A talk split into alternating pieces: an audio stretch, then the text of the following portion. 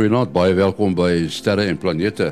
Ons maak vanaand so 'n bietjie van 'n uitsondering in die lig van Ingenuity se geskiedkundige vlug so 'n paar dae gelede op Mars. En ons het uh, dit goed gedink om vir uh, Jim Adams, ons uh, spanne daar in Amerika te vra om so 'n bietjie terug te kyk op die vlug en wat dit vir die toekoms inhou.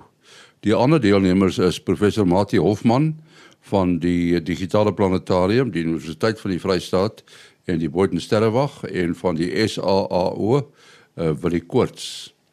Ons begin met uh, ruimte nuus en net na ruimte nuus het ons 'n uh, eh, insetsel van Lafra Smit wat vir ons gaan vertel wat in Mei maand in die lugruim te sien is. Die antwoord op wat van die protoplaneet Theia geword het, nadat ongeveer 4,5 miljard jaar gelede teen die aarde gebots het, is toe al die tyd op die aarde self, oftewel binne in die aarde. Tot dusver is geglo die botsing het soveel materiaal die ruimte ingeskiet dat die gesamentlike swaartekrag dit laat saamtrek het sodat 'n nuwe hemelliggaam tot stand gekom het uit die rommel wat tot die vorming van die maan gelei het. Baie hipoteses is al deur teoretiese modelle gevorm. Anders as wat verwag is, is die oorblyfsels van Theia effektief skoon veld. Die eksperimente het egter sterk aanduidings opgelewer dat Theia nie die ruimte in is nie, maar eerder in die aarde ingedring het en 'n nuwe mantel gevorm het wat twee verdikkings in die mantel tot gevolg gehad het. Die FSA se kernaandrywingsagentskap DARPA het drie groot ruimteagentskappe aangewys om teen 2025 kernaandrywing op 'n hoë hoogte te toets. General Atomics het 22 miljoen dollar, Lockheed Martin 2,9 miljoen dollar en Blue Origin 2,5 miljoen dollar ontvang vir hierdie toetse. Metodes om snelle ontplooiings in die ruimte te kan doen word gesoek, maar dit is moeilik met konvensionele militêre tegnologie. Tot sover dan ruimtenuus wat vir ons geskryf is deur Herman Torin in Bloemfontein. En nou soos beloof, Lafra Smit daar in die Vrystaat. Goeienaand en nie goeienaand ook aan al ons luisteraars. Kom ons kyk bietjie na die hoogtepunte vir my maand.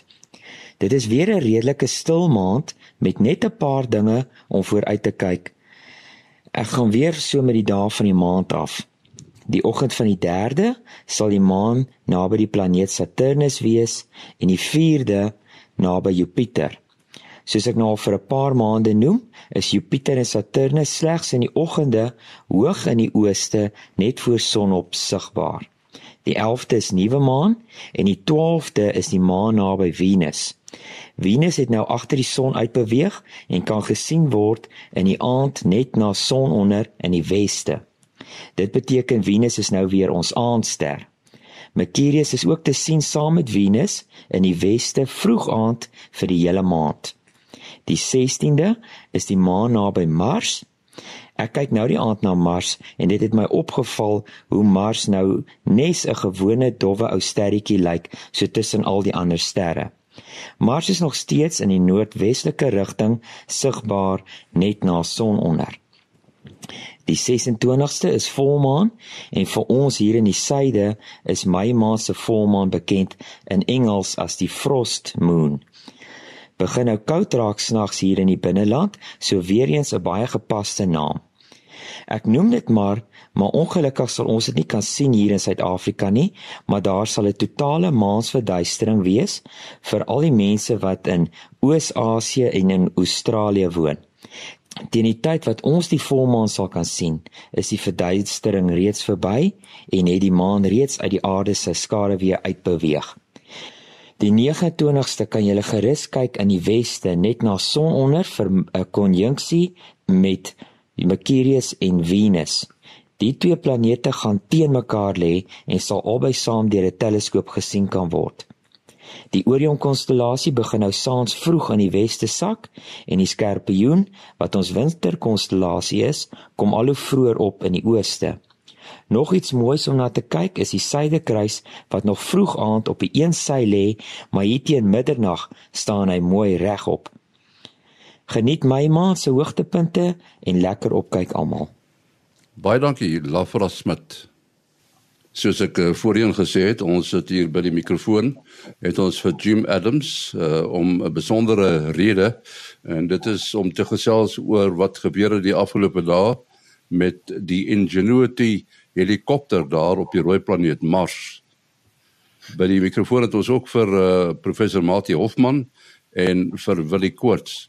I think Jim to start off with uh, let's just go a bit back and and start from the launch date of mm-hmm. Perseverance. Yeah, so Perseverance launched on uh, July 30th, and then it cruised uh, for eight months uh, to get to Mars, and had that dramatic, uh, now famous seven minutes of terror that people talk about, or was it 14 minutes? I forget. Anyway, the landing was on February 30th, and then from there, the NASA team in the control center uh, checked out the rover to make sure everything was okay, and then they found a, a site uh, to set the Ingenuity down, which they did in late March, early April. Uh, and then, of course, they backed away to Yapi van Zyl's Overlook, right? And then just uh, on April 19th, then the helicopter took its first flight. So that's a journey, isn't it? From July to April. Now, let's let's talk about Ingenuity. Uh, I know we've concentrated quite a lot on this little device, the, the little drone, uh, but now the the flight as such, uh, and the fact that it could fly. Wh- what does it uh, hold for the future, Jim? Yeah. So, you know, we, we tend to forget, especially when NASA is successful at doing things, we tend to forget that usually the first time we do something, it's a demonstration that we can do it. And that's exactly what Ingenuity was. It's called a technology demonstration.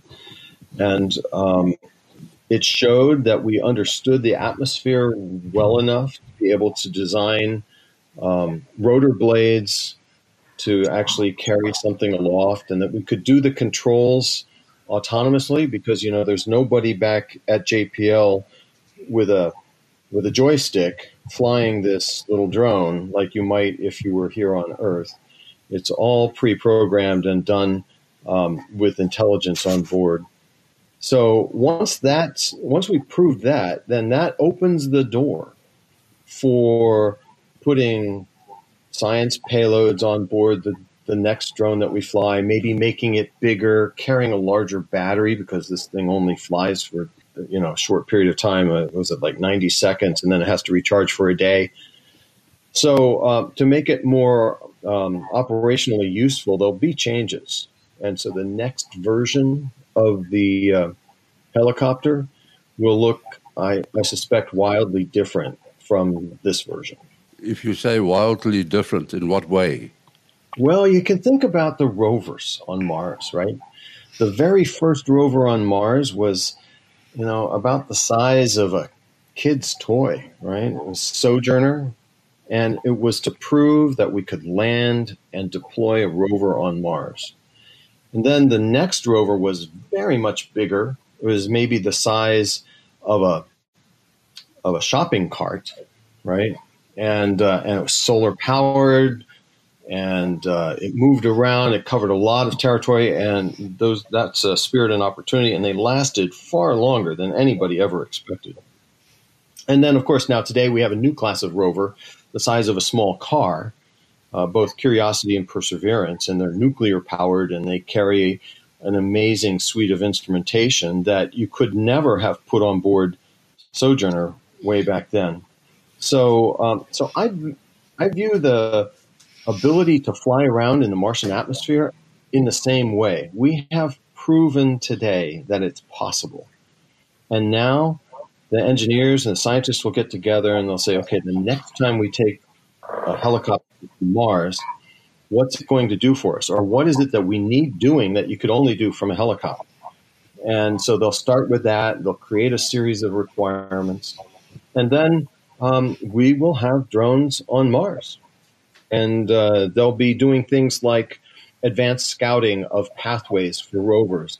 They might be taking um, measurements of the atmosphere. It might be going up and down, taking measurements of the, of the atmosphere, or or checking out um, features that uh, that the rover can't get close enough to. So these are all things that um, will change for the next decade or so the way we explore Mars. Uh, what struck me, uh, because there were fears that as soon as the, or the ingenuity has its rotor spinning, there would be dust, but I couldn't see any dust. Yeah, I didn't see much dust either. You know what I saw and that I haven't seen anybody talk about yet is once uh, Perseverance backed away, and the and the um, uh, Ingenuity was sitting there. There was dust and debris on the solar panel of mm. Ingenuity, and so I'm curious to find out. I, I actually wrote to my um, contact at at NASA to find out if the flight, if they think the flight cleared away some of the debris that was on the solar panel. Um, but yeah, that, there wasn't much dust, and I think that's a um, because the team um, looked for a good spot. Basically, that you know, Perseverance roved around for several days looking for the right place to set the uh, the helicopter down. Yeah, uh, James. Uh, speaking about the dust, on another site on Mars, there's the InSight lander, which is in a bit of trouble because of dust that accumulated on its solar panels. And in that mm-hmm. region, there were no strong, not strong enough Martian winds, the cleaning episodes, cleaning events to clean the solar panels sufficiently. And now they are starting to shut down systems. Now, I just wonder right. if, there, if there was an ingenuity at the InSight lander and it hovered just above the cloud, whether it could clean the solar panels. Would that be a possible application of such a small? Small, so you could, you could. Uh, that's a great idea. You could use the uh, the drone, the the downdraft from the drone to clean off. Probably not InSight because InSight's too far away, but you know, um, Perseverance is going to collect a lot of dust too. You know, maybe we turn in, um, Ingenuity into a housekeeper.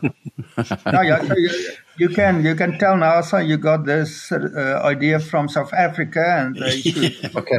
the possibility. We, we are used to dust and to make pans with dust here. Yeah. I, I suppose the, the absence of dust could, of course, we didn't see much footage of the actual spin up of the blades. So I suppose in, in the first the low speed and then later the high speed spin tests, it probably could have cleared some dust, dust so that when they did the final flight, uh, that the dust has been mainly blown away. It, I'm just thinking, yeah. I'm just thinking aloud here. Yeah.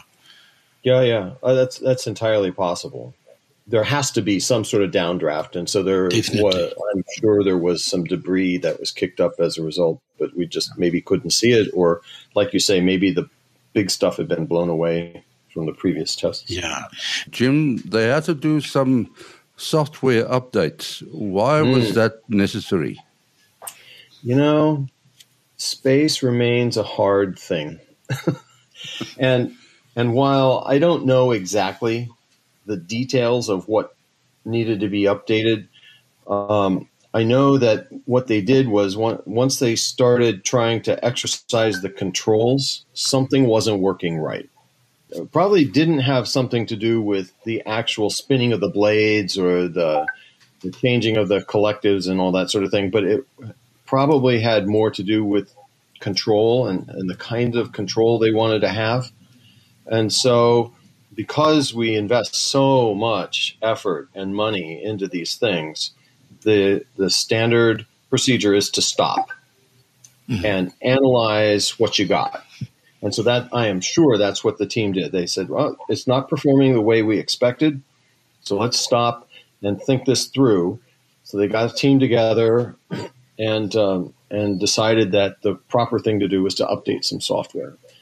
Obviously, it didn't take very long; it took about a week but it uh, it was I'm sure it was critical, or they wouldn't have they wouldn't have um, stopped for so long to um, to adjust the software. Yeah, they, they mentioned about a watchdog timer. Now, of course, that's something we use in electronics quite often as well. And it's a mm-hmm. sort of a, for people who, who don't know, it's a it's when you when you expect something to to respond every so often to see that it's still alive or or things are reacting to, to commands, you, you typically use uh, watchdog timers. So if a watchdog timer times out, it means that something hasn't come back to you in, in, a, in, a, in an expected time which means that that some systems either not responding or not responding quick enough. So uh, yeah, so one can one can see that that you wouldn't try and fly when you've got any error like that. Definitely not. Yeah, and sometimes um, it has to do with the watchdog timer itself, doesn't it? You know, like maybe okay. the watchdog timer isn't being patient enough because on Mars things are not moving mm. quickly as they did in the test lab, that sort of yes. thing. Yeah, you're, you're calibrating for Mars, really. Yeah. yeah. I know on some of my spacecraft we have uh, we the spacecraft timer puts out a heartbeat, and you listen for yes. that heartbeat Yes. And if you don't hear the heartbeat, then you wait and you listen to see if if you just missed it or if not. And it's the same sort of thing. What I wanted to, uh, you to talk about is the uh, the route the signal had to had to oh, travel yeah. because from from the ingenuity itself, it had to go to Perseverance, and from there on, where did it go to? Because we've got five orbiting spacecraft over Mars two of them are European, three of them are US. Um, years ago, it was decided that anytime we sent an orbiter to Mars, that we would put um, a standard set of radio relay gear on board. And what that means is that MRO, Mars Odyssey, Maven, the the two European missions. One is the um, Mars Express, I think, and and Trace Gas Orbiter. Um, they all have the ability to pick up signals from anything that's on the surface of Mars. Mm. Perseverance, Curiosity, uh, and now Ingenuity. Although my understanding is the way Ingenuity talks to uh, talks to the network that's set up because of these five spacecraft is through Perseverance, which is good.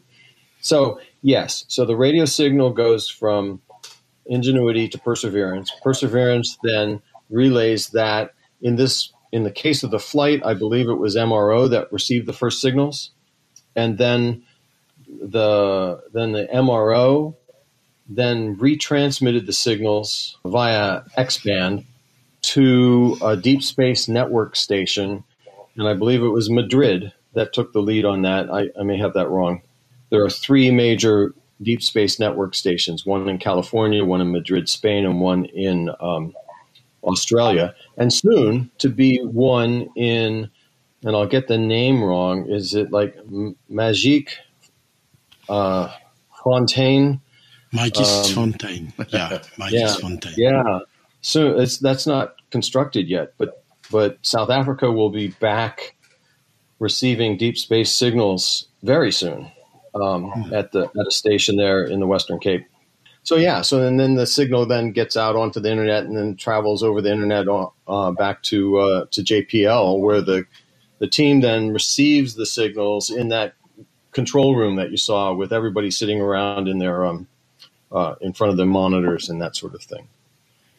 So, so that's kind of the circuitous path, you know, from ingenuity to perseverance, perseverance to MRO, MRO to a deep space network station, and deep space network station to JPL. And and how long does that uh, signal take to get to the, the network on Earth?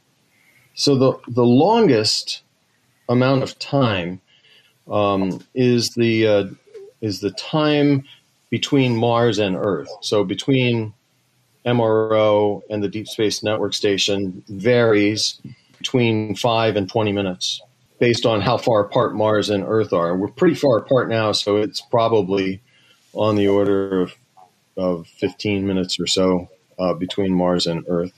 There are some places where, like if the signal was picked up by the MAVEN spacecraft, MAVEN would then cache that signal, hold on to it for a while, do some processing on board, and then forward the whole thing as a packet off to uh, the Deep Space Network. So that there is that sort of timing. But my understanding is that MRO um, receives the signal and immediately transfers it, uh, transmits it off to Earth.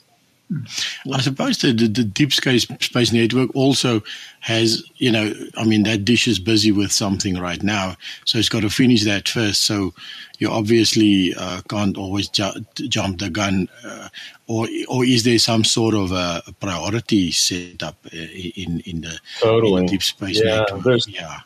There's a lot of, uh, of debating over priority uh, associated with the Deep Space Network. But you know, when something mission critical is happening, everybody kind of gets in line. It's obvious that you want to have the Deep Space Network, the best of the Deep Space Network antennas focused on Mars um, when you're landing or when Ingenuity is flying and that sort of thing. On the other hand, the flight of Ingenuity is so short. One on Monday was 30 seconds, right? Um, that it's over and done with before the signal is even anywhere close to back to Earth. So uh, it's not like the team back at JPL could do anything about it other than just receive the data and determine whether or not things had gone as uh, per plan.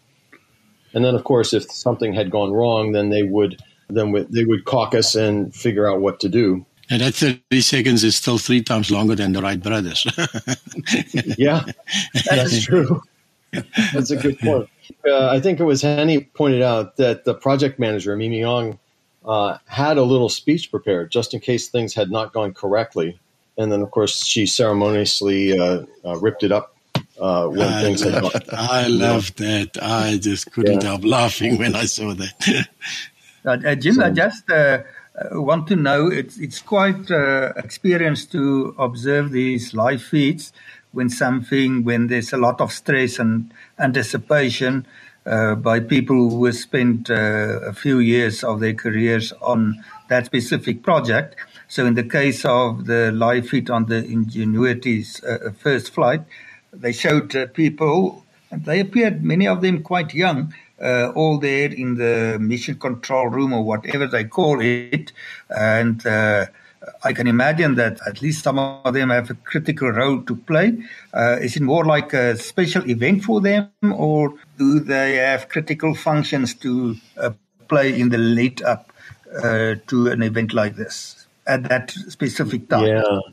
So in the lead up, what most of the team is doing is they're looking at the data coming back from Perseverance, from Ingenuity. They're looking at the positions of the Mars Relay Network satellites. They're looking at the condition of the Deep Space Network to see if those things are operational. And if something should go wrong, like one of the Deep Space Network antennas should go offline, then is there a backup ready? So all of that is happening before Ingenuity flies.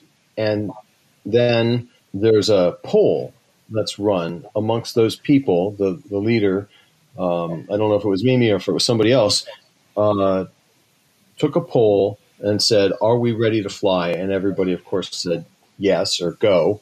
And um, so then they let Ingenuity fly itself for those 30 seconds to, to three meters and then back down. That is a special event in the life of an engineer. But every day there's data coming back from all of those assets that needs to be analyzed. And usually it's just normal stuff you know? Um, perseverance is moving 30 meters today and so it's rolling. You know what are you doing? Well you're watching to make sure that it hasn't you know stalled or the wheels aren't slipping and that sort of thing. That it, it the life of a operations engineer is supposed to be boring. It's supposed to not have a lot of uh, anomalies. But, you know, obviously, when something this dramatic happens, you land on Mars, you launch a rocket, or you fly for the very first time on another planet, everybody's watching and everybody wants uh, to be a part of it. So, but every person in that room that you saw had a specific function. They were there for a particular reason the back row had the NASA bigwigs in it. So, and they were there because they were the bosses. Generally speaking, what, what they might do is they would be there so that they could be present and speak at press conferences or talk to the team if there was an anomaly and try and figure out what was happening because the interest in the United States goes all the way to the office of the president. People will, people that work for the president want to know what's going on on Mars, especially with something like this. Another question. Uh, well, it's, once again, I'm just a bit curious about the culture in uh, NASA and JPL. If a team had a big success, will they receive a bonus? Will they go and play for, for a race? And will they be demoted if it was not a success? oh, dear. um, you know, space is, uh, like I said earlier, uh, space is hard, and and there are often failures. Although NASA tries really hard not to make failures, and and um, uh, there's been so few failures uh, of late at NASA that um, that the public kind of comes to expect perfection. Make, we make it look easy, but um, but in fact, there's a risk, and people that get into this job know the risks. The management system is set up not to um, punish um, failures, but to encourage people to learn from them so that we don't repeat them again. And that, generally speaking, rarely results in somebody losing their job. It's uh, it's it's one of those things where uh, you might you might make a change. You might say, well, this particular engineer was too inexperienced, or this manager had the wrong system set up. So you might change the culture, but you wouldn't necessarily just flat out fire somebody. There have been a few really bad mistakes where people have lost jobs, but um, but those are very far between between somebody who uh, has a success Will they get a bonus or a raise? Uh, maybe, but generally it has to do with their longer term performance. You know, how is mm. somebody doing over a year or two as the as the missions proceed and progress through the various milestones they have to accomplish. We have to end the session here. Uh, Jim, people can contact you on our Facebook group the Facebook group. Love to answer questions. Feel free to reach out to me there. Right, uh, Marty, uh, as mense met jou verbind wil hê jou telefoonnommer 0836257154. 0836257154. Willie 0724579208. 0724579208. En dan die program se e-posadres is sterreplanete@gmail.com. sterreplanete@gmail.com.